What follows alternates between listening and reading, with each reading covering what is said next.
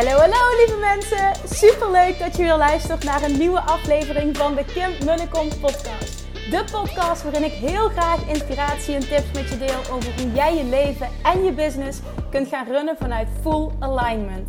Meer voelen en minder denken, want that is where the magic happens. Hoe werkt die wet van aantrekking nu precies? Hoe creëer jij een succesmindset? En hoe kun jij ervoor gaan zorgen dat jij alles gaat aantrekken wat je zo graag wil met minder hard werken? Ik heb er weer super zin in. Let's go!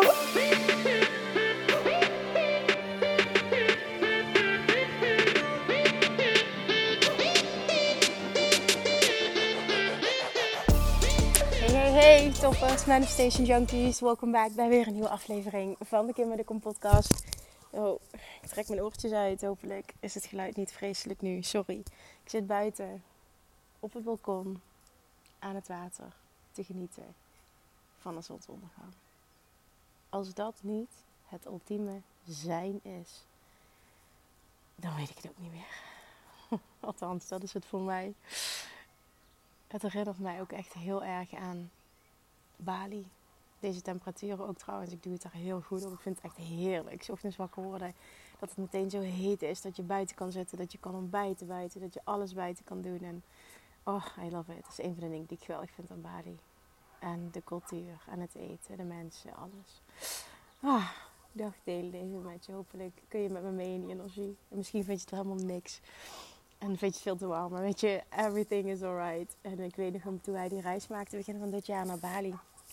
Uh, dat we ook een plek hadden met een buitendouche, een buiten uh, badkamer. Oh, echt, het was zo fijn. Gewoon die warmte de hele tijd, buiten kunnen douchen. Uh, die, die gekko's die dan om de hoek kwamen en die daar liepen. Maar ik, ben zo oké okay geworden met allemaal die dieren, ook door Bali. Hè? Allemaal die beestjes door Bali. Uh, dat is echt ook bizar. Hoe groot die shift is geweest. Van, uh, dat was al in 2017 toen ik die reis gemaakt heb. Alleen, ik kon echt bang zijn voor een spin, voor, voor alles, weet je. En toen, nou ja, als je naar Bali gaat, dan moet je dat maar gewoon loslaten. Want er zit overal wel wat. En dat uh, is toen aardig gelukt. Ik weet nog dat mijn vader toen op bezoek kwam en dat hij uh, dat aanschouwde. En dat hij zei, jeetje, wat ben jij veranderd? Ik zeg, yep, Bali does that to you.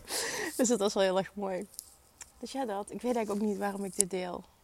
Ja, het reminds me of Bali. En ik heb zo'n zin om in november weer terug te gaan. Oh, heerlijk voor het Bali Retreat. Echt, dit is ik weet het, volgens mij heb ik het vaker gezegd, maar alleen al daar naartoe kunnen werken en bezig zijn achter de schermen met het, het plannen ervan, de organisatie, weet je, weer twaalf epic ondernemers mee mogen nemen. En als ik zie wie er zich al heeft aangemeld, dan denk ik, oh my god, het, oh, het gaat weer helemaal geweldig worden.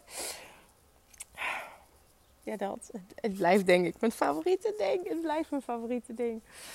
Ik sprak laatst uit tegen Janine, een teamlid van me die op Bali woont uh, zei ik tegen haar uh, een voicebericht te sturen van uh, ik heb zij zei ook, ik sta zo aan, ik heb er zoveel zin in. Stuurde zo al wat ze allemaal geregeld had. Echt, zij is echt helemaal geweldig. En toen zei ze, oh, dit wordt echt veel next level ten opzichte van de vorige keer. Ik zeg, ja, ik weet het. En dan hype elkaar zo op met die energie. En, en ja, het gewoon ook heerlijk om haar leven daar te volgen. Ik volg uh, meerdere zoals onder andere Shanti van Casa Krullenbol. Ook super inspirerend. Volg haar ook echt met zoveel plezier. Ik weet eigenlijk niet waarom ik dit allemaal deel. Sorry. Maar dat dus. Ik wil je even meenemen. Omdat ik denk dat het gewoon uh, vandaag een extreem waardevolle podcast gaat worden. Ik neem deze op naar aanleiding van het Bali Retreat. Of het Bali. Ja, Kim, dat is het enige waar je nu aan kan denken. Ongelooflijk. Sorry. Naar aanleiding van, uh, van stories die ik heb gemaakt. Uh, die ik gedeeld heb op Instagram. Zondagochtend was het. En daar heb ik zoveel respons op gekregen. Zoveel. Dit heeft me echt nou ja, ik, ik, ik, over, het is niet overweldigd, maar ik, ik, ik, ik schrok ervan hoeveel het was en hoeveel mensen dit herkennen. En toen heb ik ook gevraagd uh, geef me even die feedback als je wil dat ik hier een podcast over opneem. Um, want dan doe ik dat. En er kwam zo, zo, zoveel feedback van mensen die er middenin zitten. Die zeggen van ik vind het zo fijn dat je het deelt. Ik zit er nog niet in, maar ik kan me echt voorstellen dat ik ook in deze fase beland in mijn business. Um, ik heb hele fijne gesprekken gehad met ondernemers die zeiden... Nou, ik heb er het afgelopen jaar, half jaar in gezeten. Ik heb radicale keuzes gemaakt. En dit is het resultaat. Echt, oh, het is zo magisch wat er gebeurt als je het gesprek opent. En ja, nou ja, hè, zelf openheid biedt in um, wat er in je leven speelt. Um, hè, het is niet allemaal een highlight reel. Ik uh, struggle op dit moment uh, enorm. Dan moet ik zeggen dat als ik hem vandaag opneem, dat ik echt in een ontzettend goede energie zit. Naar aanleiding van een aantal stappen ook die zijn gezet. Die wil ik met liefde zo meteen delen in deze podcast. Maar even om wat context te schetsen. Um, ik ga gewoon even super real zijn. Ik ga heel eerlijk zijn. Ik heb er ook even bewust voor gekozen om buiten te gaan zitten en hem uh, volledig even af te schermen. De kindjes liggen lekker in bed. Um, en even helemaal in, in dat zijn te stappen, omdat er gewoon dan precies uitkomt wat eruit moet komen. En ik ga dus ook echt even heel open zijn. Um, als ik heel eerlijk ben, dan merkte ik al uh, vanaf het moment vorig jaar, vorig jaar mei is dat geweest, toen Nora geboren werd. Dus dat ik met verlof ben gegaan. Um, dat het toen eigenlijk langzaam bergafwaarts is gegaan. En ehm, wat er gebeurde namelijk toen ik met verlof ging, dus dan gaan we echt een jaar terug, um, is dat ik merkte, even als, als, als van tevoren, hè, als disclaimer, ik weet niet of dat zo moet zeggen, maar uh, laat het even heel duidelijk zijn. Ik neem overal volledig verantwoordelijkheid voor. Dus alles wat ik ga zeggen, it's all on me. Het begint allemaal met mij mijn zijn, mijn identiteit uh, en mijn leiderschap. Maar wat ik dus merkte, is dat er dingen niet opgepakt werden um, zoals ik had gehoopt. Zoals um, was afgesproken in ieder geval. In mijn, um, uh, ja, naar, naar, mijn idee. En dat ik me dus tijdens mijn verlof al overweldigd heb gevoeld. En niet echt de rust heb kunnen pakken. In hoeverre dat je rust kan pakken in een, uh, op het moment dat je naar een babytje hebt. Maar je snapt denk ik wel wat ik bedoel. Niet de rust heb kunnen pakken die ik, wil, die ik wilde om echt in het moment te zijn. Er speelde zoveel. Het, het vrat zo mijn aandacht op. En dan zeg ik er ook weer meteen bij. Ik koos ervoor dat het mijn aandacht opvrat. Dat kan ik allemaal zien. Um, maar feit is, het gebeurde. Het is gebeurd. En um, ik ging eigenlijk volledig uitgeput uh, terug aan het werk die drie maanden later.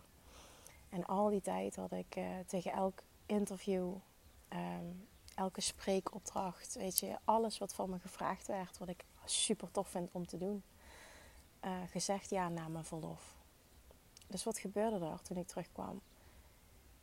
Mijn echt mijn, mijn agenda explodeerde. Gewoon echt, die, die, die ontplofte. Gewoon insane. En 11 september had ik een uh, spreekopdracht, ja, een hele toffe spreekopdracht. Ik werd gevraagd om te spreken op het manifestatie-event van uh, lieve Laura Langens. Um, wat ik echt een eer vind en, en wat ik super graag wil doen, weet je. En dat is ook een, dat zijn een, onder andere een van mijn, van mijn passiedingen. Dit, spreken, uh, interviews doen. Dat zijn dingen die ik leuk vind.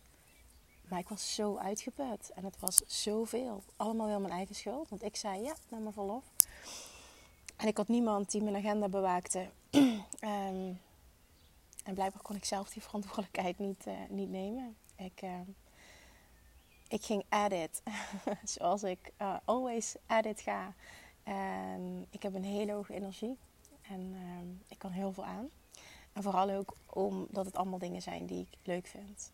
Alleen wat ik heel erg onderschat heb, maar volgens mij heb ik dit alles eerder gedeeld, maar ik denk dat het waardevol is om het hier te benoemen, um, is dat ik de tweede, um, um, ja, het krijgen van een tweede kindje, niet, niet de bevalling, want die was fantastisch, maar de, de, tweede zwangerschap en ook vooral uh, daarna het, het krijgen van een tweede kindje veel en veel heftiger um, vond dan een eerste kindje.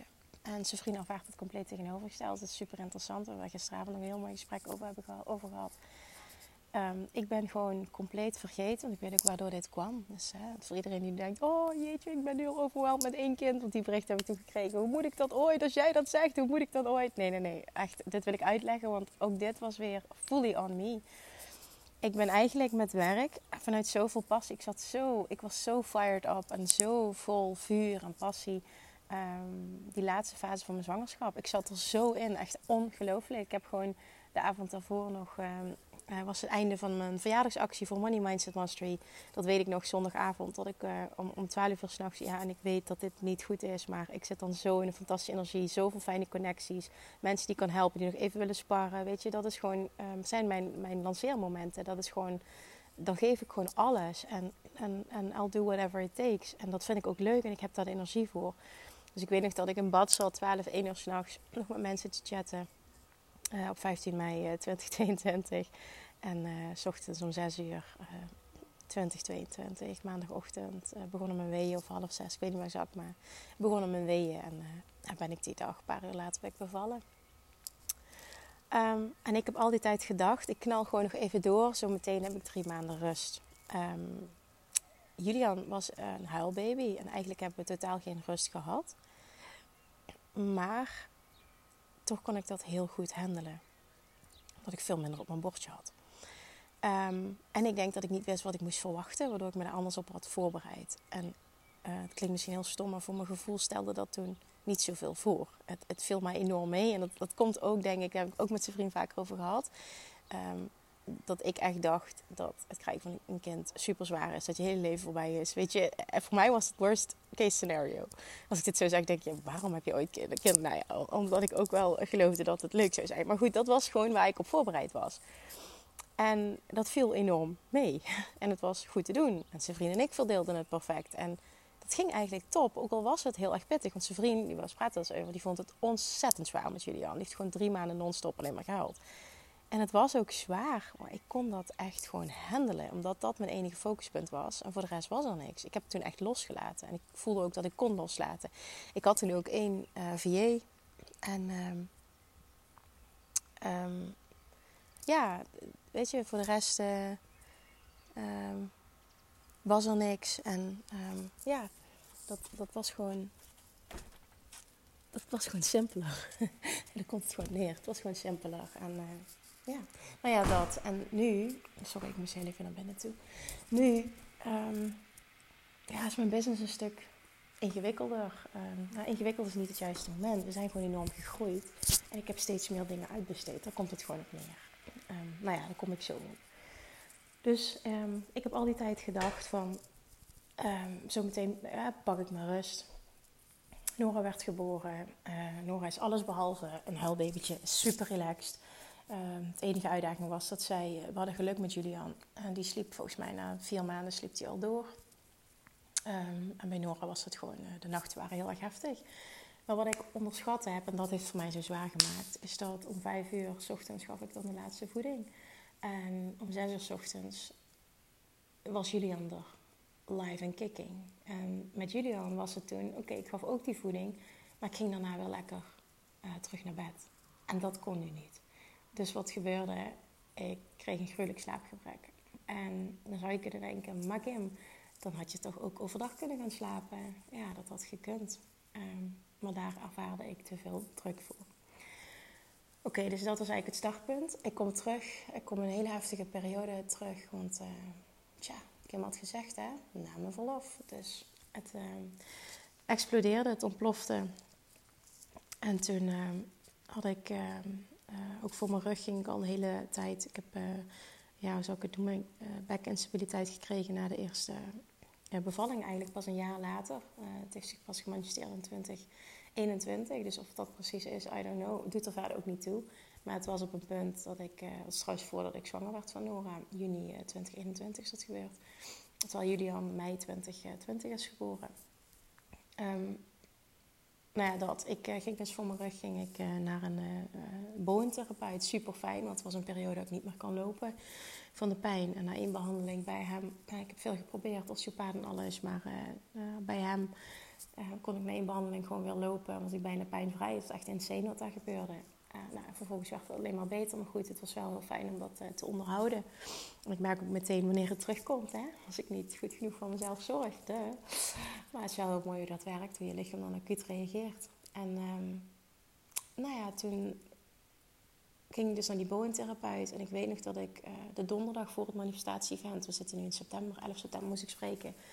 Dat hij me aankijkt en zegt... Kim, ik vind echt dat je er ontzettend slecht uitziet. Um, ik voel gewoon dat het niet goed met je gaat. En hij schreef me tabletjes voor. Um, en hij zegt: Neem dit maar. Want dit, zijn, dit is iets, uh, een voedingssupplement, wat ik aanraad om mensen die um, in een burn-out zitten. Dus ik kijk hem aan. Ik zeg: Wat zeg jij nou? Ja, zegt hij. Ik heb het idee dat je het zelf niet ziet. Zorg goed voor jezelf. En ik dacht echt, wat de fuck zeg jij nou? En dat meen ik echt. Ik voelde dat ik moe was. Maar, hmm, oké. Uh, en ik heb een burn-out gehad, hè, dus uh, in 2017. Dus ik weet echt wel wanneer het over een burn-out gaat. Nu in ieder geval, dan meen ik ook oprecht dat ik dat, dat voel. Maar goed, hij zag wel dat het echt gewoon niet goed ging.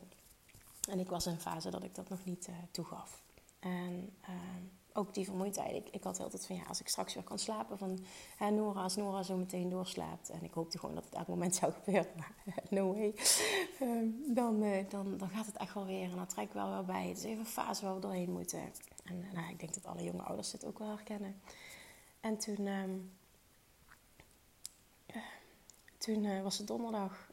ik weet nog dat ik diezelfde donderdagavond s'avonds heel erg onwel werd. Um, dat ik het heel koud kreeg en rillingen had, terwijl het heel warm was. En dat ik uh, in de keuken stond en dacht, oeh, dan moet ik me even vastpakken, want ik moet iets vastgrijpen, want het gaat niet goed met me. Mm, het was heel kort, toen heb ik mijn rust gepakt en ik ben gaan slapen. Dat weet ik nog. Vrijdag ging het prima met me. En zaterdagochtend word ik wakker. En ik kon het niet uitleggen, maar ik voelde me zo slecht. En ik kon alleen maar huilen. En zijn vriend zegt, wat is er? Ik zeg, ik ben zo uitgeput. Ik kan niet meer. En ik weet niet hoe ik morgen in de auto moet stappen en drie uur moet rijden naar de locatie. Ja, ik uh, woon in het zuiden van het land, weet je misschien helemaal in Uithoek. En uh, eigenlijk alle, alles, ja, alles qua reizen is best wel een, uh, een uitdaging. En ik vind dat helemaal geen probleem. Ik vind autorijden leuk, dat is het allemaal niet. Ja, er zijn oplossingen voor, maar weet je, dat is nu niet het punt. Um, ik, ik, ik denk niet dat ik die. Ik weet niet hoe ik die reis moet maken. Ik, ik ben gewoon bang dat ik een auto-ongeluk krijg, zeg ik tegen zijn vriend. Dus wij praten daar even over en ik ben vooral alleen maar aan het huilen. Dat ik het gewoon echt niet meer wist. Ik was zo ontzettend moe. En vervolgens rij ik de kids naar mijn vader. Die zouden daar, uh, ik breng de kids naar mijn vader. Die zouden daar gaan slapen. Zodat ik ochtends vroeg kon vertrekken. en Gewoon lekker kon doorslapen. De, niet op hoefde s'nachts. En, en zijn vriend helpt me enorm. Hè, ook in die fase. Dus dat is het ook allemaal niet. Het, het, echt, het, was all me. En nou ja, toen, toen uh, zei hij... Hij zag het aan me. En uh, ja, ik, ik brak daar ook helemaal. Ik kon alleen maar huilen. En toen zegt hij, een tijdje gepraat. Zegt hij, oké okay, Kim, nu kunnen we twee dingen doen of je belt af, of ik breng je mooi. Ik, kan nog, krijg nog een brok in mijn keel als ik dit uh, deel. Want dat is echt typisch mijn vader. Um, dat is echt zo lief, want die is er dan. Ik zeg maar, ja, maar wat? En dan moet uh, Marina morgen de, de kindjes alleen doen. En dat, en, dan ben je weg. En, zeg het maar, wij fixen het wel. En zei ik, wauw, wat lief. Ja, heel graag dat. Dus, uh, nou ja, dat. dat gebeurde toen. Hij heeft me gebracht. Super fijne dag gehad met mijn vader. En uh, s'avonds uh, deden we nog een podcast interview met Giel. Het spreken ging ook top. Ik kon helemaal daar in mezelf zijn, zeg maar. En ik bereid altijd heel weinig voor. Ik tune altijd in, zeg maar. Ja, ja degene die snappen wat ik bedoel, denk ik. En dan komen de juiste woorden gewoon. Um, en dat gebeurde. Het, was, het ging gewoon echt top. Het was fantastisch, die verbinding. En uh, s'avonds werden we geïnterviewd door Giel. En dat was een moment, ik weet niet meer, ik kreeg een vraag en ik, uh, ik begon te huilen. En toen deelde ik dus wat er gespeeld had. En uh, dat mijn vader hier dus was. En iedereen keek naar hem en begon te klappen. Dat was echt heel erg mooi. En vervolgens had ik een maand later een podcast interview met Giel. Waarin hij daar nog aan refereerde hoe bijzonder dat dat was. En, uh, nou ja, vervolgens ehm, gaan we door. En eigenlijk was er niks veranderd. Uh, behalve dat ik zag, uh, ik moet nee gaan zeggen. Dus ja, dat is wat I did. Ik ben overal nee tegen gaan zeggen. Alleen ik pakte de kern niet aan. En de kern was dat ik bezig was. We waren ook bezig achter schermen met nog meer hires. Ik had gewoon te weinig teamleden. Er was gewoon te veel werk voor. Ja, weet je, mijn bedrijf was enorm gegroeid. We waren volgens mij zaten we in oktober al over een miljoen of 1,3 miljoen in oktober al. Het is echt gewoon insane hoe hard het ging dat jaar. Ook met drie maanden verlof gewoon.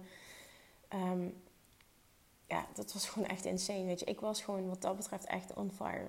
Um, en ja, ik weet het gewoon niet. Het klopte gewoon. En, en wat er, ja, ik was ook het experiment met advertenties. had hele gave masterclasses waar ik ook echt helemaal ingetuned was gegeven. En die uh, presteerde ook automatisch, of automated, zeg maar, via een automated um, uh, webinar. Dat ging heel erg goed. Dus ja, weet je, het, wat dat betreft was ik het gewoon aan het crushen. Maar als ik kijk naar persoonlijk, was ik het ook aan het crushen de verkeerde kant op. Uh, en de hele tijd was het, ja, maar zo meteen als. Het is gewoon slaapgebrek van Nora. Zo meteen als, want dan kan ik het allemaal weer aan. Alleen dat zo meteen als, dat kwam niet. En uh, dat, dat, dat is ook goed, want ik denk ook dat Nora me wat heeft uh, laten zien. En dat kwam er niet, en dat kwam er niet. En toen was het volgende, ik had een enorm verlangen om weer een Bali retreat te organiseren. Want dat, dat, dat, ja, dat, dat, dat, dat, dat light me up. En ik wilde heel graag met het gezin naar Bali toe, langere tijd.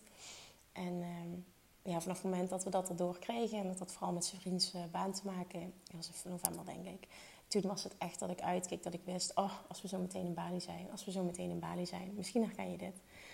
Dan is hij rustig en dan is het zijn en dan laat ik helemaal los en dan en dan en dan. Nou, er speelden achter de schermen, speelden er al wat dingetjes, zeg maar, dat, uh, die niet helemaal aligned voelden uh, binnen het team. Um, ik die de ballen niet had om het uit te spreken. Uh, en eerder vermijdend gedrag vertoonde dat ik het aanging. Ik was ook te moe om het allemaal op te pakken. Uh, dus even, even completely honest hè, ben ik nu. Um, en het is ook niet een, podcast om, uh, met de bedoeling van... Uh, oh, wat zielig, of oh, ik wil je advies geven. Weet je, dat is niet mijn intentie. Ik wil gewoon open en eerlijk mijn reis delen. Um, en zo meteen um, met, hopelijk iets, iets, ja, iets inspirerends afsluiten. Vervolgens gaan we naar Bali toe. Het gaat er allemaal doorheen. En uh, een, een, topper in mijn team stepped up. En, uh, en, en ja, zou eigenlijk alles, zou eigenlijk alles, nou ja, niet, ja, ik ging alles overnemen. En she did. En op dat moment werd er eigenlijk pijnlijk duidelijk hoe mijn bedrijf ervoor stond op het moment dat ik echt weg was. En dat het er echt niet was. En toen zag ik, alles draait nog steeds volledig op mij. Als ik er niet ben, hè, ook al wordt er heel veel van mijn bordje uh, gehaald, alles draait nog steeds op mij. En de grote conclusie, um, de grote conclusie, want het is echt, toen ik weg ben gaan, is super waardevol geweest wat er toen gebeurd is. Ook al was het heel erg messy. Maar uh, de grote conclusie was wel, um, A, wil je met alle teamleden door? Um, en vervolgens, wat er uitkwam, is dat ik, en nogmaals, it's always, always weer volledig on me. Uh, het team opereerde heel erg uh, taakgericht versus uh, projectgericht en verantwoordelijkheidsgericht. En dat is omdat ik dat als leider nog nooit van ze gevraagd heb. Of, um, nou ja, dat, ja, daar komt het gewoon op neer. Um, en vaker dat dat willen doen, maar niet goed wist hoe ik het voor, hoe het voor moest geven, hoe ik het moest doen. En op dat moment werd het pijnlijk duidelijk. En ja, het was ook pointed out to me, zo, moet ik het, uh, zo kun ik het zeggen. En dat was extreem waardevol. Wat volgde was gewoon een pittige periode waarin ik uh, goede gesprekken heb gehad uh, met teamleden en hoe we dingen anders gaan doen. En toen was echt de wens ingezet ook om. Um, ik had ook vervolgens drie nieuwe hires trouwens. Eén iemand, want ik ben dus in januari, laatste week van januari, en vervolgens in februari. vijf weken in totaal weg geweest. En in maart zou een nieuw iemand starten. Um, en in januari zijn twee nieuwe gestart, waarvan eentje al uh, waar we afscheid van moesten nemen, want dat, uh, dat bleek toch niet te werken al heel snel. Um, ja, dus dat. Dus, en dan zaten we dus ook nog in het proces. Het kwam allemaal samen voor gewoon nieuwe haren starten. Uh, daar moet je ook tijd en energie in stoppen. En dan moest ingewerkt worden. En nou, heel snel bleek dat iets niet klopte daarin. En, en ook daar dan weer afscheid van nemen. Dus dat was gewoon een, een, roerige periode. Nou, kom terug en ik had ook zoiets van, uh, oh zo meteen, want dan komt er hè, in maart. Maar ja, er werd pijnlijk van alles duidelijk. Ik heb toen ehm, toch echt wel ook heftige gesprekken moeten hebben, uh, bepaalde keuzes moeten maken. Um, wat allemaal goed is geweest.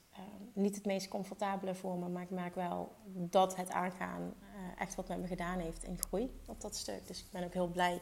Het moest ook, weet je, het kon gewoon niet langer. Ik, ik kon dit gewoon ook niet meer wegduwen. Ik moest het aangaan. Ik bedoel, uiteindelijk was het. En dat is iets wat ik heb geleerd. Het gaat nooit over iets persoonlijks, maar het is altijd um, de business needs this. En uh, op die manier daarnaar kijken en dat uh, formuleren op die manier. De business needs this. Um, maakt het een stuk makkelijker. Dus ja, misschien heb je daar ook wat aan. En toen um, startte in maart uh, een nieuwe teamlid. En, maar ik, ik veranderde niet. Weet je, ik ging niet die leider zijn die losliet. Ik ging niet als een, um, een probleem bij mij werd neergelegd, wat eigenlijk de verantwoordelijkheid is van een ander teamlid. Um, ik loste het op, snap je? Ik, ik deed het allemaal. It's all on me, weet je. Ik deed het. En ik wist ook niet hoe ik het anders moest doen. Het was gewoon echt in de basis ook een gebrek aan kennis. En ik moest blijkbaar zo ontzettend vastlopen. Want het werd natuurlijk steeds erger. Nou, het is nu, het is het juni dat ik deze opneem. En de maart is toch vrij recent geweest. Het werd gewoon steeds erger, steeds erger. En hoe meer ik dacht van, ik word freed up. Naarmate ik met meer mensen in mijn team heb, hoe meer workload er voor mij ontstond. Want de dingen zeg maar, die ik alleen moet doen, dan hebben we het over uh, contentcreatie, uh, uh, podcast opnemen, de, de, coaching vervullen.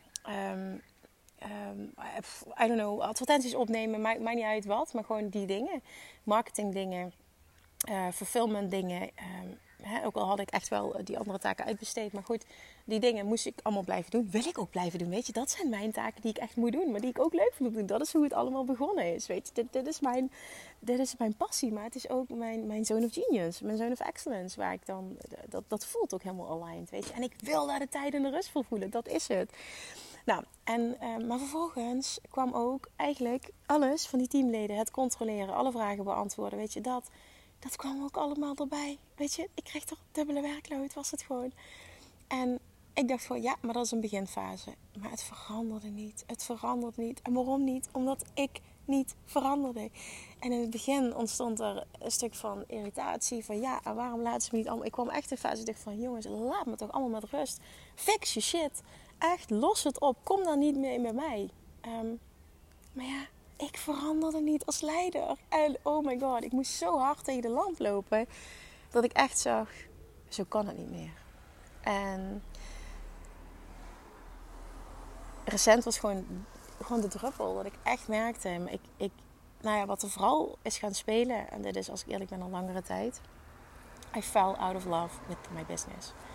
Ik vond mijn bedrijf niet meer leuk. En ik had heel vaak gedachten van ik stop overal mee. Ik heb er geen zin meer in. Ik ga terug naar één assistent. Ik ga de basics weer doen. Dan maar minder omzet. Dan maar minder groei. I don't care.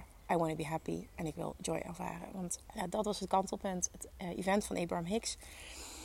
Uh, eh, 13 mei op mijn verjaardag ben ik twee dagen naar Abraham Hicks geweest. Dat was magisch. En dat was het perfecte moment. En ik heb op dat moment precies gehoord wat ik moest horen. Dat is ook hoe het werkt als je open staat. En ik heb dit in de podcast 835 gedeeld, mijn top 3 inzichten van het live event. Uh, ook een van de best beluisterde afleveringen tot nu toe. Nummer 1, by far, met stip op 1, was ons doel hier op aarde. Abraham Hicks teach joyful expansion.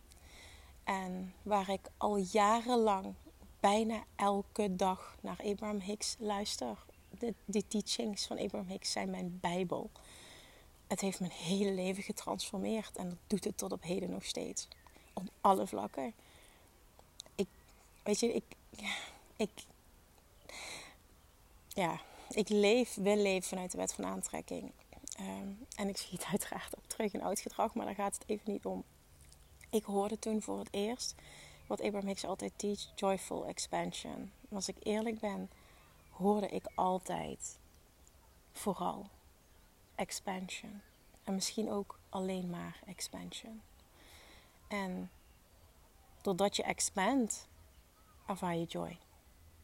Alleen op dat weekend, dat weekend, die dag, kon ik horen dat het keyword in Joyful Expansion joy is. Joy. En door joy expand je. En door zoveel mogelijk joy te ervaren, expand je. En dat is het keyword in deze twee woorden. En niet de expansion. En dat was zo'n doorbraak. En meteen, meteen op dat moment dacht ik: waar ervaar ik nu geen joy meer? En het eerste wat tot me kwam was mijn business. En het was super pijnlijk om dat toe te geven. Maar het was ook zo verhelderend. En ik voelde me zo licht toen ik het aan mezelf kon toegeven. Van, maar ik vind het helemaal niet meer leuk. Waarom doe ik dit eigenlijk nog? Ik ervaar meer druk dan joy. Waarom, waarom doe ik dit nog? Weet je, dit hoort leuk te zijn. En hoe meer ik gegroeid ben, hoe minder fun ik ervaar.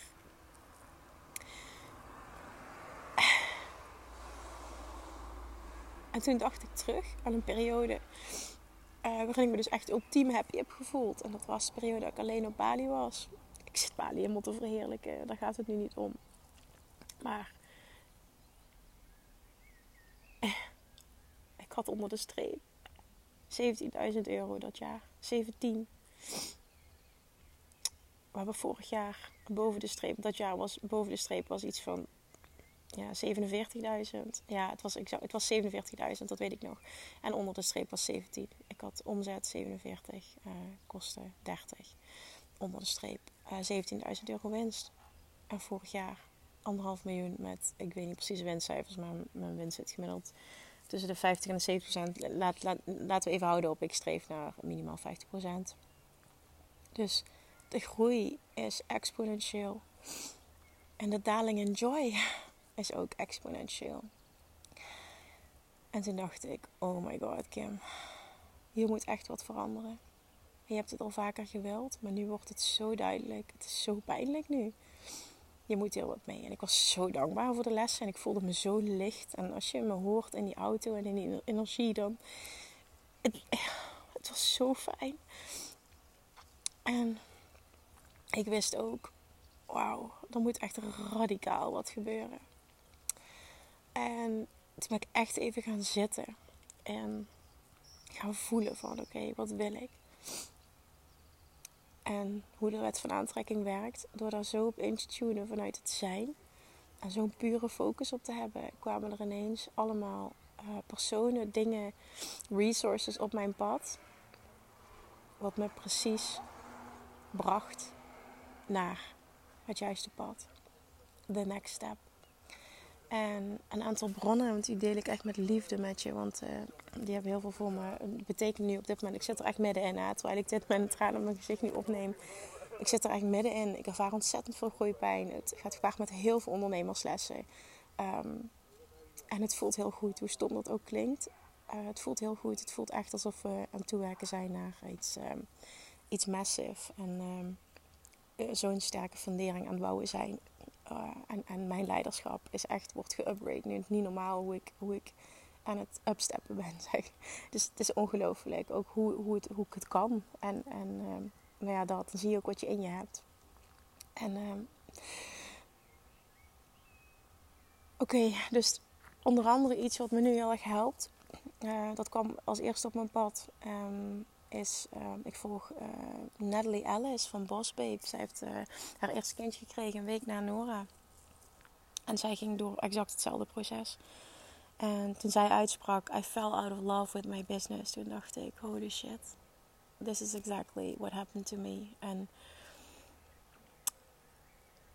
ik ben zo ambitieus. En ik, ik, weet je, ik kan zo creatief zijn. En ik kan zo echt ook stikken van de inspiratie. En ik kan moeiteloos vanuit pure joy elke dag een podcast opnemen. Maar ik was het allemaal kwijt. Weet je, alles was te veel. Alles was zwaar. Ik begon mijn ochtend en ik dacht echt, oh jongens, echt laat me met rust. Ik wil niks meer. Rot allemaal op. En toen kwam dat op mijn pad. En toen sprak zij over een aantal resources die haar geholpen hebben. Onder andere James Wedmore. Ik dacht, oh briljant. Ik heb twee jaar geleden zijn training gekocht en uh, ben daar niet volledig ingedoken. Dus dat wordt mijn nummer 1 go-to. En vervolgens zegt zij, dit boek heeft heel veel voor mij gedaan. En dat was het boek um, Buy Back Your Time van Dan Martel. Als ik het goed heb. Ja, Dan Martel. Daar ben ik aan begonnen. En oh my god, ik ben gisteren begonnen. Ik ben nu al bij hoofdstuk 7. Niet normaal. Ik heb, ben nu aan het luisteren. Ik heb de fysieke versie besteld. Die komt morgen binnen als het goed is.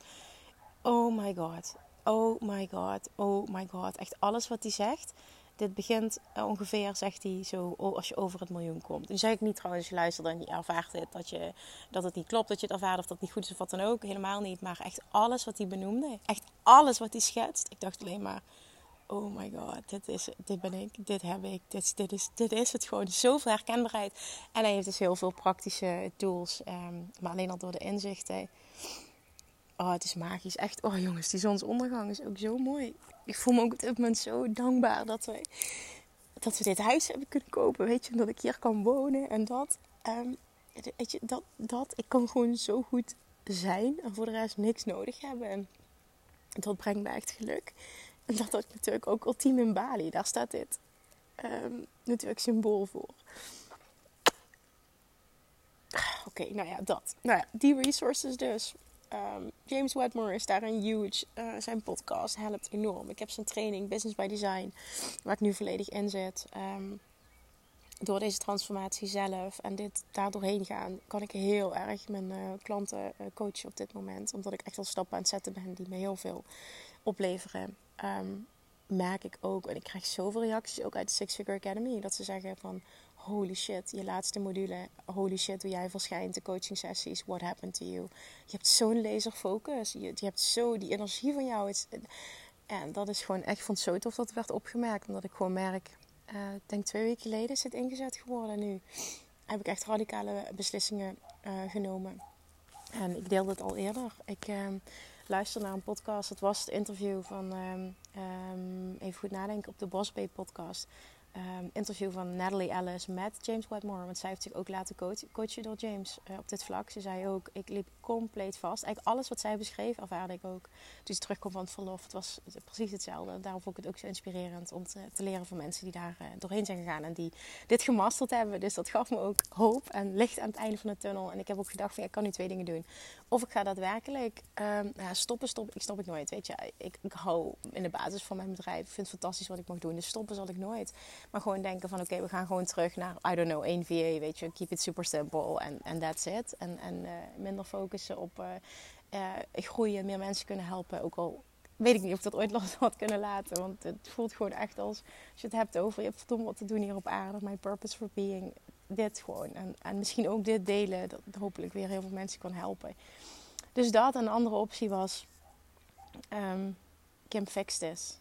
En, als James Wedmore vertelt, ja, ik werk, als je het hebt over werk, fysiek, uh, twee uur per dag. En, en de rest van de dag ben ik bezig met um, uh, de dingen te doen waar ik uh, joy van krijg. En de dingen die jij doet in zijn business, daar krijgt hij dus ook nu joy van. Maar hoe hij dat verdeelt en hoe hij dat doet en dat hij elke dag gaat surfen. En nu lees ik dat boek van Dan Martel, waarin hij praat over de dagindeling van Oprah, van Richard Branson. Weet je, de, de biljonairs waar, waar je gewoon naartoe wil.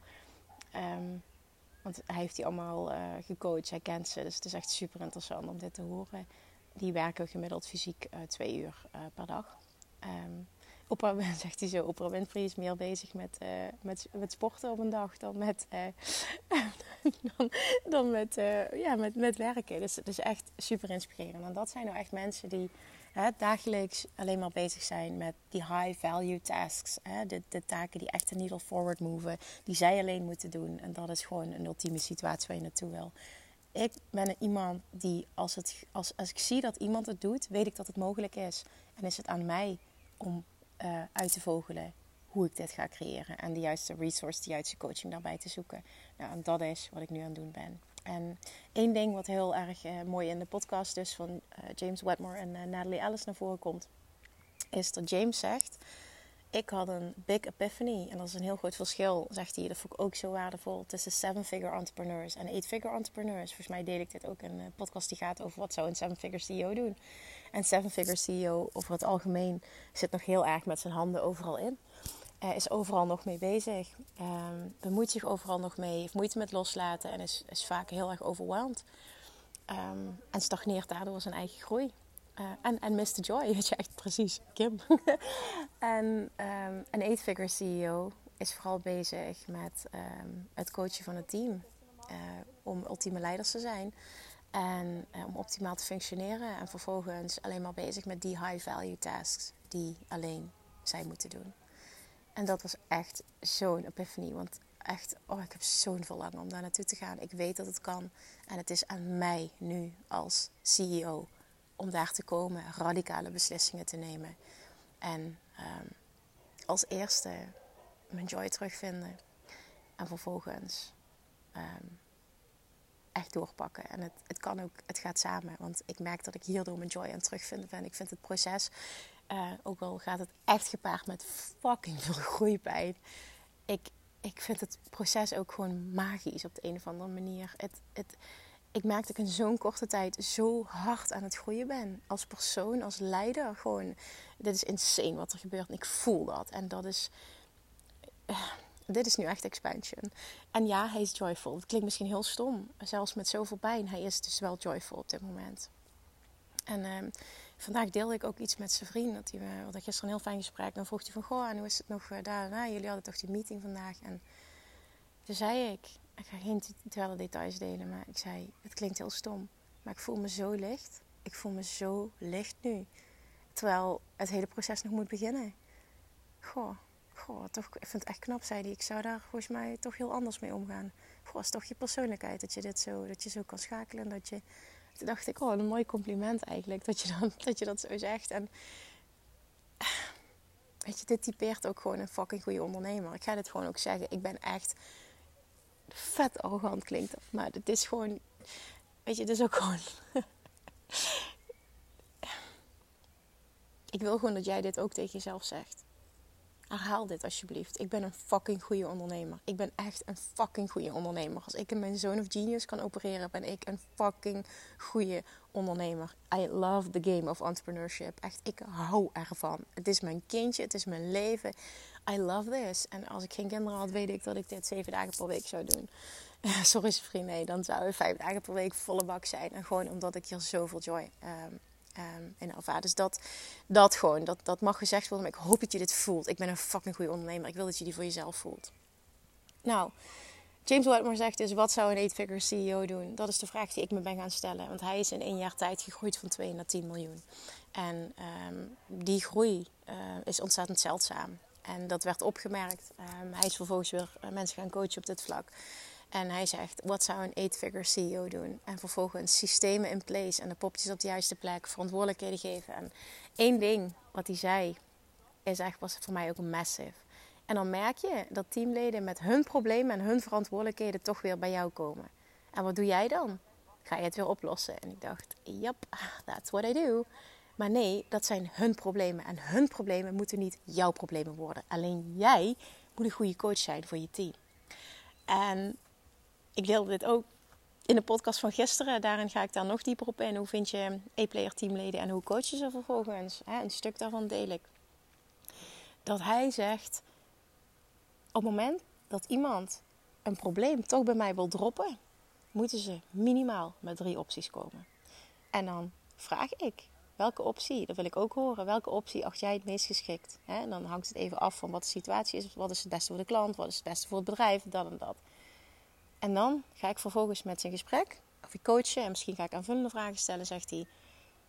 Maar wat ik dan doe vervolgens is, I love how you're approaching this, geeft hij als feedback. You choose. Let me know what you decided though, zegt hij. En die drie zinnen, I love how you're approaching this. Um, I oh ja, dat zegt hij. Nee, dit moet ik anders formuleren. I love how you're approaching this. I trust you. Let me know what you decided. Die, drie zinnen zijn goud. En een ding wat hij zei, als je hard conversations moet hebben met teamleden, um, dat je het niet insteekt, dat je het persoonlijk maakt of wat dan ook, maar dat je het doet vanuit the business needs this. The business needs this in general, the business needs this from you. Um, ook bij het hebben van moeilijke gesprekken. En dit waren twee dingen die mij zo enorm aan denken hebben gezet. Dus wat zou een 8-figure CEO doen? Vervolgens, hoe coach je concreet op het moment dat een teamlid... Echt, dat vond ik zo praktisch. Op het moment dat een teamlid er iets bij mij dropt... Oké, hoe coach ik ze dan om zelf die verantwoordelijkheid te pakken? Om zelf beslissingen te nemen? Om ook het vertrouwen te pakken? Weet je, dat ze het kunnen. Want dat is nu wat gebeurt. Doordat we dit al zijn gaan implementeren... zie je gewoon dat mensen veel meer hun plek pakken. En... Um, het vertrouwen. Want er zit één iemand bij mij in het team die deed dit vanaf moment één. En ik heb toen zo'n level van ontzorging mogen ervaren, wat ik nog nooit in mijn, nou, überhaupt mijn business, mijn leven heb ervaren. En toen dacht ik, hoe zou mijn leven en business eruit zien als dit de standaard wordt binnen het team en als elk teamlid zo zou opereren? En dus is het aan mij om te zien uh, wat haar karaktereigenschappen zijn. Ik ben met haar een gesprek geweest van hoe kan het dat jij dit doet? Heel tof wat ze zei. Nou, ik weet het niet. Ik denk dat mijn horeca-ervaring uh, gewoon daarin heel veel heeft gedaan. Ik moest, uh, ik weet nog, de eerste avond een nieuw baantje had. Uh, eh, s'avonds. En toen zegt uh, ineens de eigenaar tegen me van... Ja, jij moet vanavond moet je afsluiten. En ik dacht, huh? Maar ik weet hier niks. Ik, ik, ja, dat komt wel goed, had hij gezegd. En, en toen dacht zij... Oké, okay, I need to fix this. I'll fix zegt ze ook zo, hè. En ja, zegt ze, ik fix alles. En dat doet ze dus ook. Van A tot Z fixt ze alles. En ze dropt alleen de dingen die echt gevraagd moeten worden. Die dropt ze bij me. En dat zijn minimaal. De rest fixt ze alles zelf. Ik vind het zo magisch, dit gevoel van ontzorgen. Ervaren, dat heb ik ook heel vaak teruggegeven. Echt, dit is next level gewoon. En toen sparde ik een andere onderneemster. En toen zegt ze tegen mij, en wat nou als je hele team alleen maar uit dat soort mensen zou, zou bestaan? Hoe zou je je dan voelen? En ik dacht alleen maar, oh, zo licht. zo licht, zo geïnspireerd. Zoveel tijd voor de dingen uh, die het bedrijf echt voorwaarts drijven. Oh, ik zou zeker weer vier, vijf podcasts per week kunnen opnemen. Ik zou de fun terugvinden. Ik zou uh, ook veel meer op Instagram, want dat mis ik soms ook. Normaal als ik in, in mijn hum ben hè, en, en erin zit qua energie, dan deel ik ook mijn hele proces op Instagram. Ben ik elke dag met kop op stories, zoek ik die verbinding op. Weet je, ik wil dat, ik vind dat super leuk. Maar ik ben zo drained, zeg maar, de laatste tijd geweest. Dat ik gewoon, oh, weet je, nergens mijn energie voor had. En dat zegt zoveel. Gewoon dat alles te veel was. Zelfs de dingen die ik eigenlijk gewoon normaal gesproken heel leuk vind. En toen ben ik echt mijn, mijn time gaan auditen en mijn taken gaan auditen. Dus wat er is gebeurd. Ik heb ochtends uh, dit naar het team gestuurd. Echt letterlijk dit. Um, dat er een radicale shift gaat komen en hoe dit eruit gaat zien. Dat er een briefje, ik heb een briefje op mijn laptop geplakt. Wat zou een 8-figure CEO doen? En vanuit die lens maak ik alle beslissingen op dit moment. En ja, af en toe uh, merk ik, oh Kim, woeps, je doet het weer. Dus daarom dat briefje super waardevol. Wat zou een 8-figure CEO doen? En dat zegt nu niet van, oh, mijn next goal, het moet 8 figures zijn. Dat is het niet. Maar ik wil wel op een next level gaan denken. En ik wil, ik wil weten van, oké, wie moet ik zijn? En wat moet ik vervolgens doen? Um, om dat volgende level te bereiken. En, en voor mij is een volgende level exponentiële groei. En daarom zet ik in op, oké, wat moet een 8-figure CEO doen? Because why not?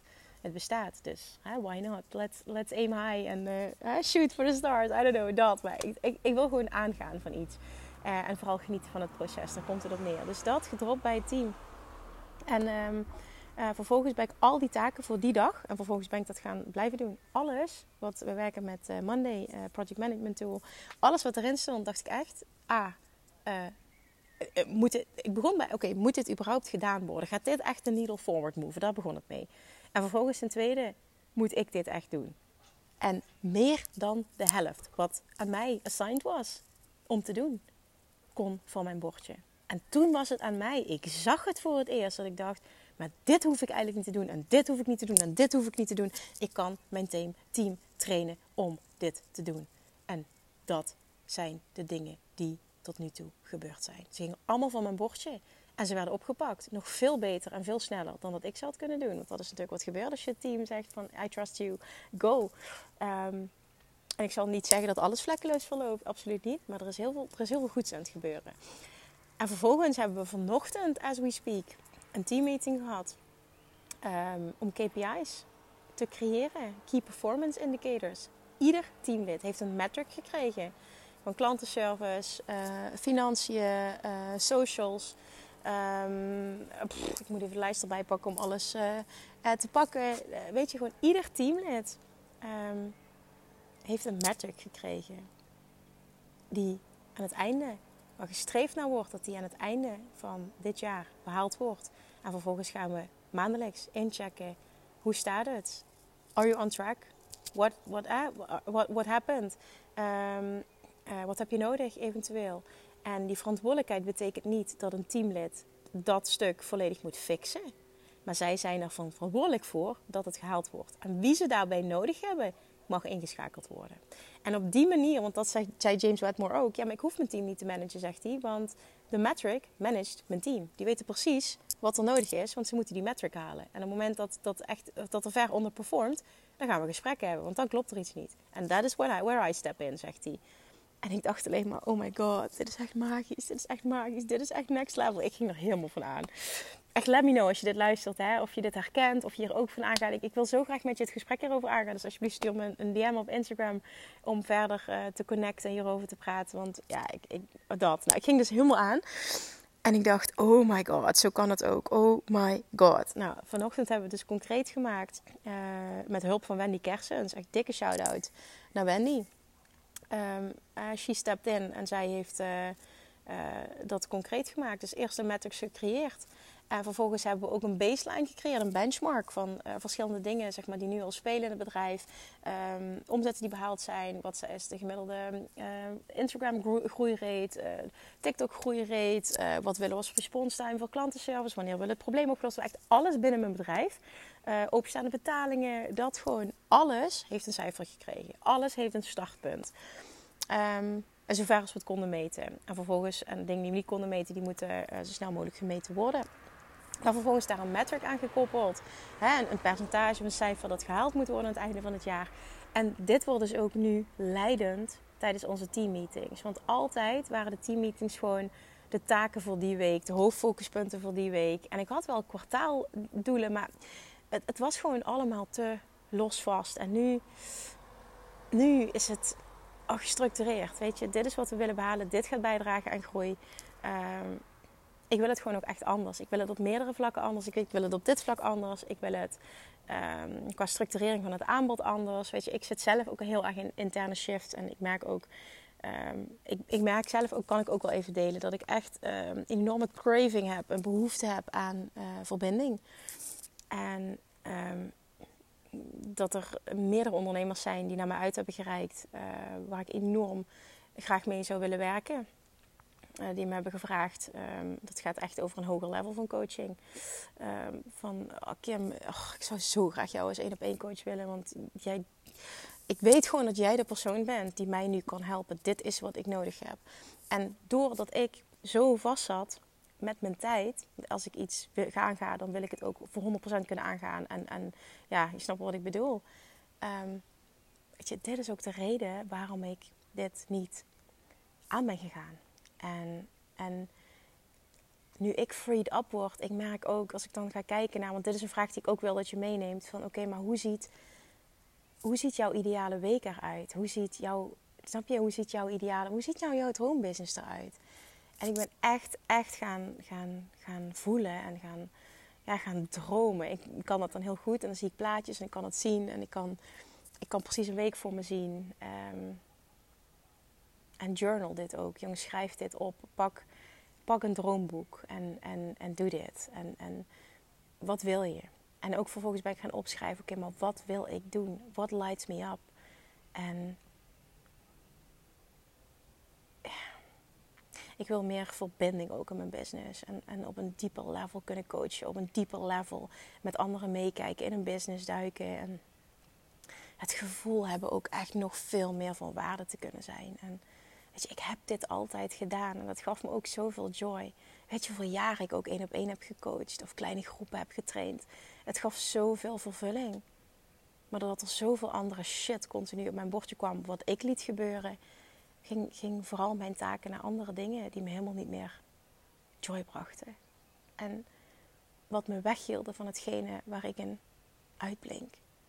En dat is een fucking goede coach zijn. En er ook echt kunnen zijn. En samen met de juiste mensen massive breakthroughs creëren. En weet je, aan de voorkant ook creatief zijn vette content kunnen creëren, epic podcast afleveringen kunnen creëren. Oh, dat, de verbinding via DM, weet je dat.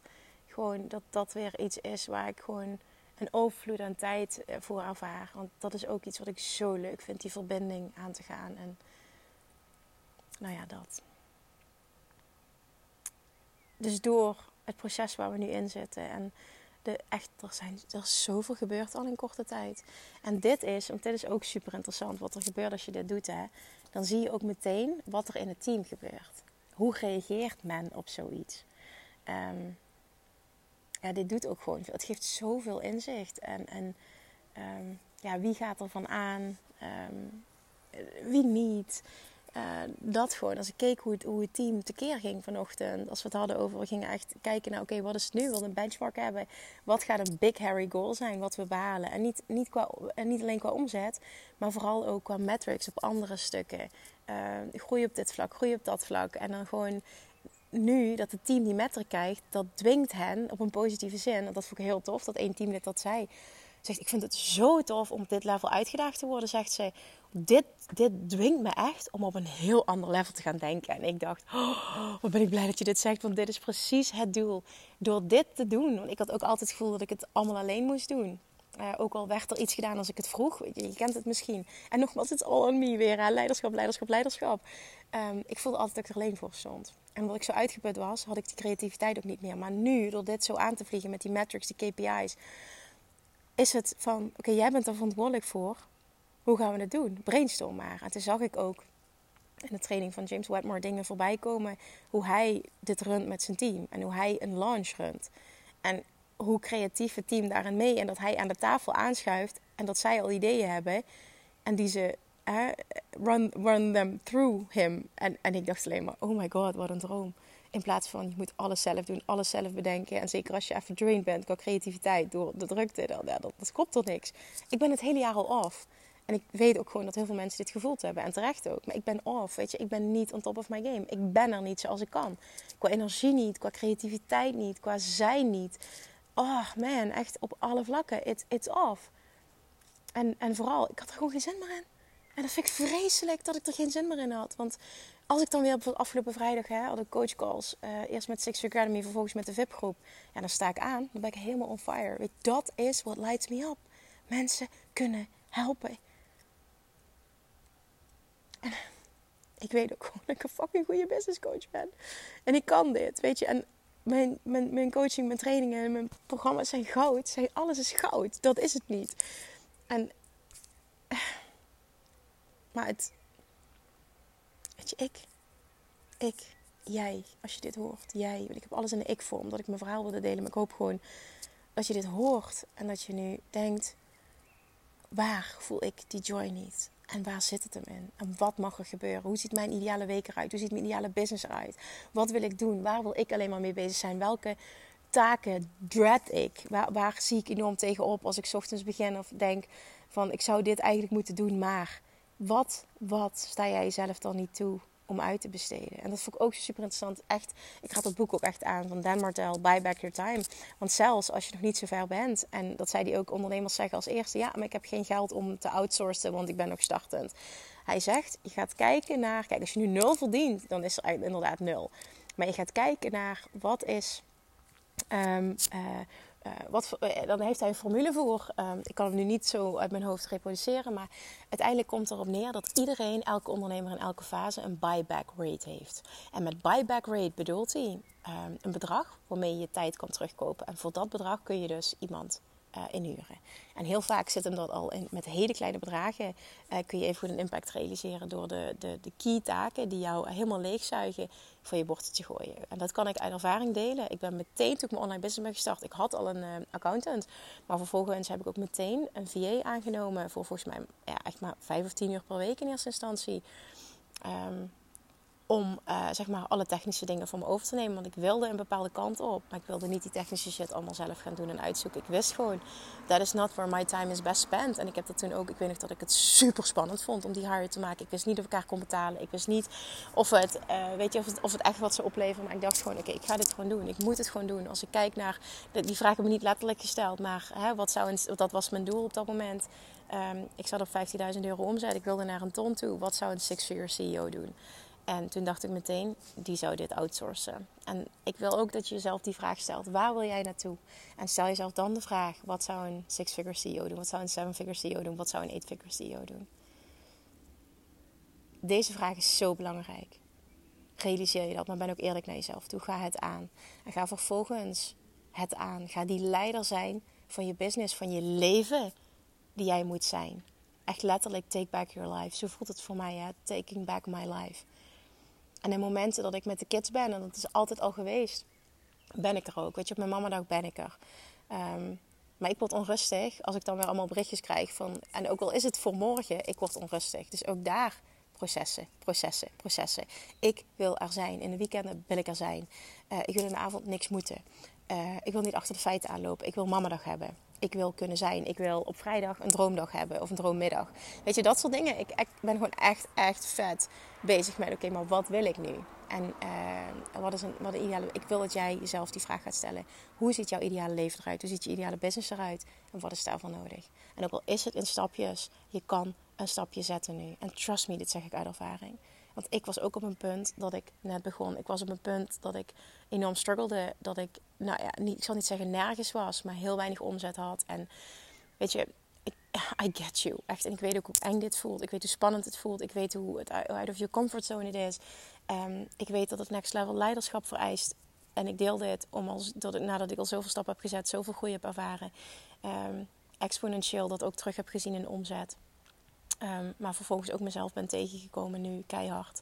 Um, het aanga, het, het bespreekbaar wil maken. En ook doordat ik zoveel pijn ervaarde, het radicaal anders aan het doen ben. Ik zit er middenin. Ik weet zeker dat als we hier doorheen zijn en dat er gewoon.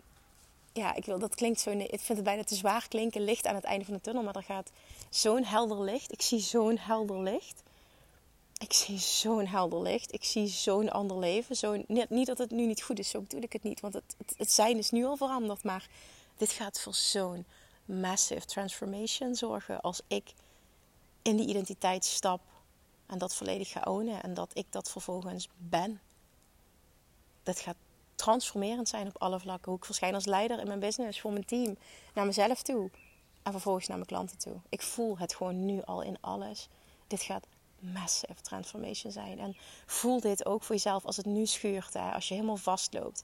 Dit gebeurt voor een grote doorbraak.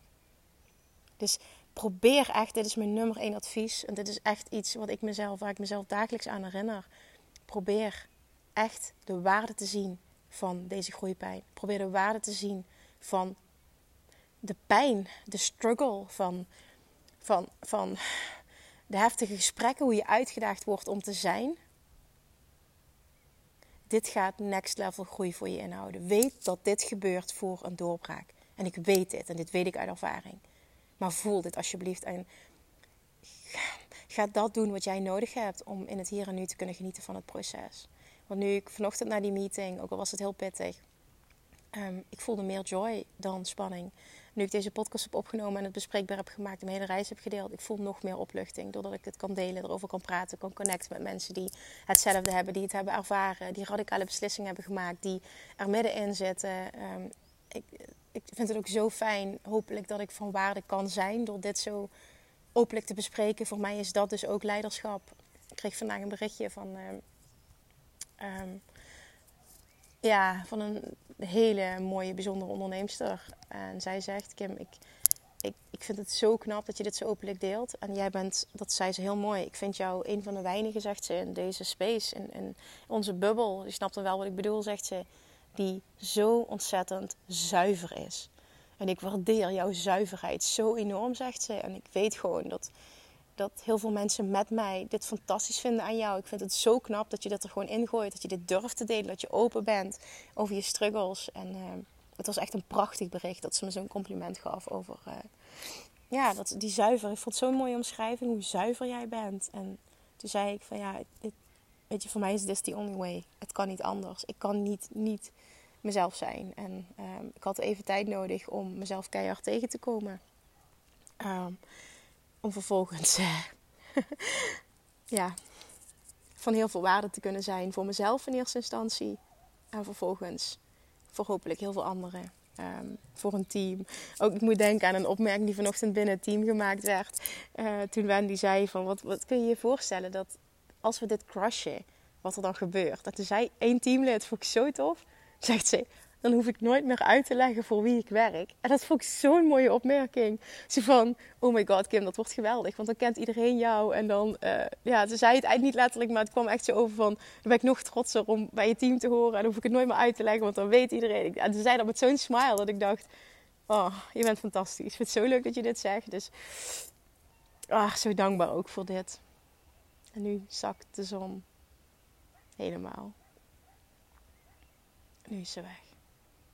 Oh, wat mooi. En ik ben ook aan het einde gekomen van deze aflevering. Hij is insane lang geworden en het voelde gewoon alsof ik gewoon echt alles moest delen. Ik heb gewoon even gepraat vanuit mijn hart.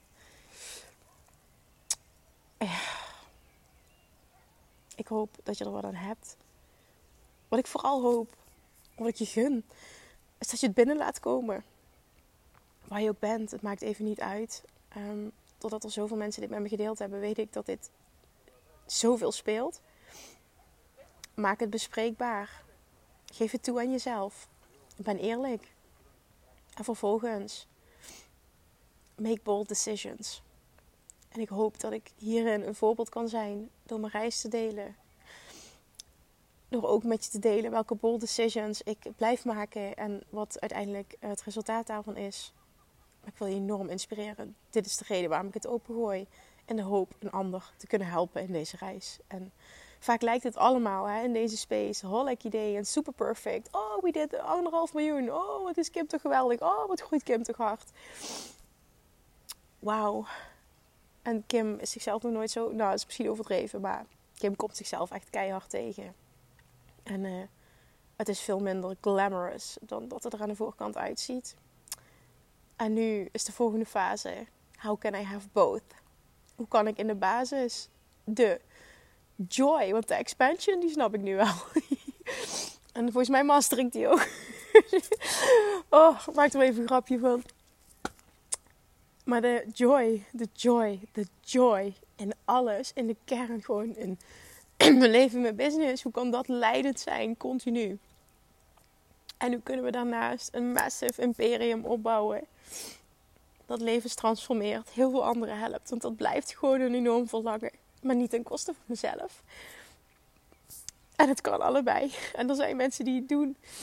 En het is nu aan mij en ik voel heel erg de roeping om een persoon te zijn die dit laat zien aan zichzelf. En vervolgens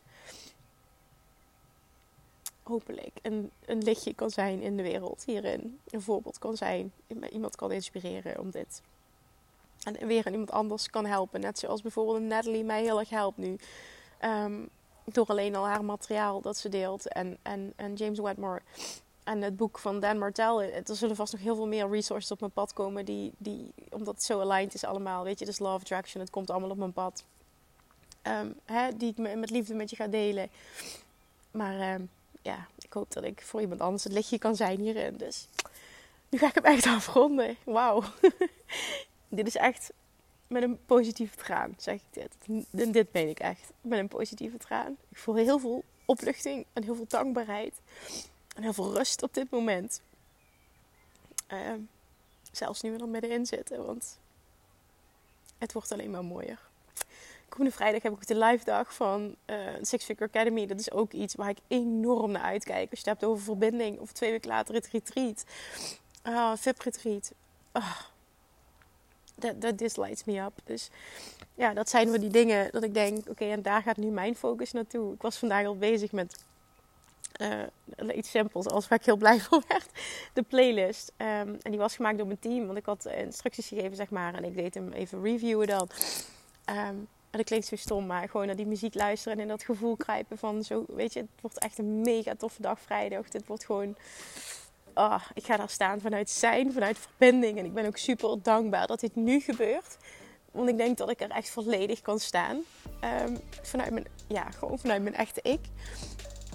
En dat voelen mensen. En dan zijn de doorbraken des te groter. En, en is de impact des te groter. Dus dat.